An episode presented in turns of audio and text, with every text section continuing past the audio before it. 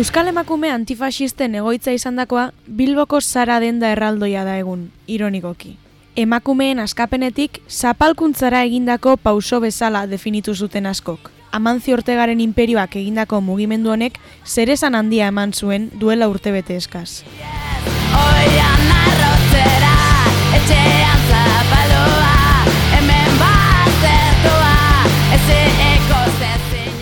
Orain, berriz ere guztien ahotan dabil enpresari galiziarra.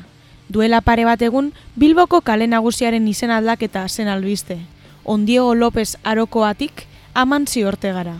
Ortegak kale nagusian duen presentzia dela eta hartutako erabakia zela baiestatzen zuten. Basterrak nahasi zituen albiste honek.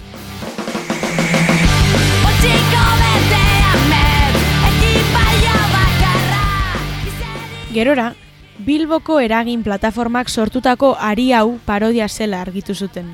Inditexek irian duen imperioa salatu nahi zuten honekin. Izan ere, horrelako multinazionalek dendak zabaltzen jarraitzen duten bitartean, hiritarrek zailtasun mordoarekin egiten dute topo. Saltoki txikiek bizi duten prekaretatea salatzeko asmoa zuen plataformak. Eta nere buruari galdetzen diot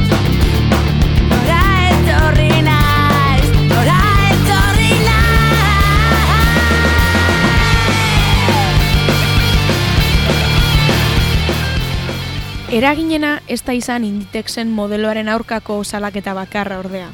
Martxoaren sortziko greba feministarako plataformak kontzentrazioa deitu du ostiralerako.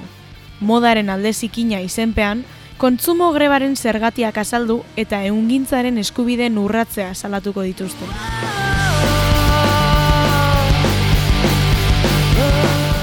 Ostiralean, arratzaldeko seietan izango da kontzentrazioa, zara aurrean. Ekintza simbolikoa izango da, josten eseriko dira.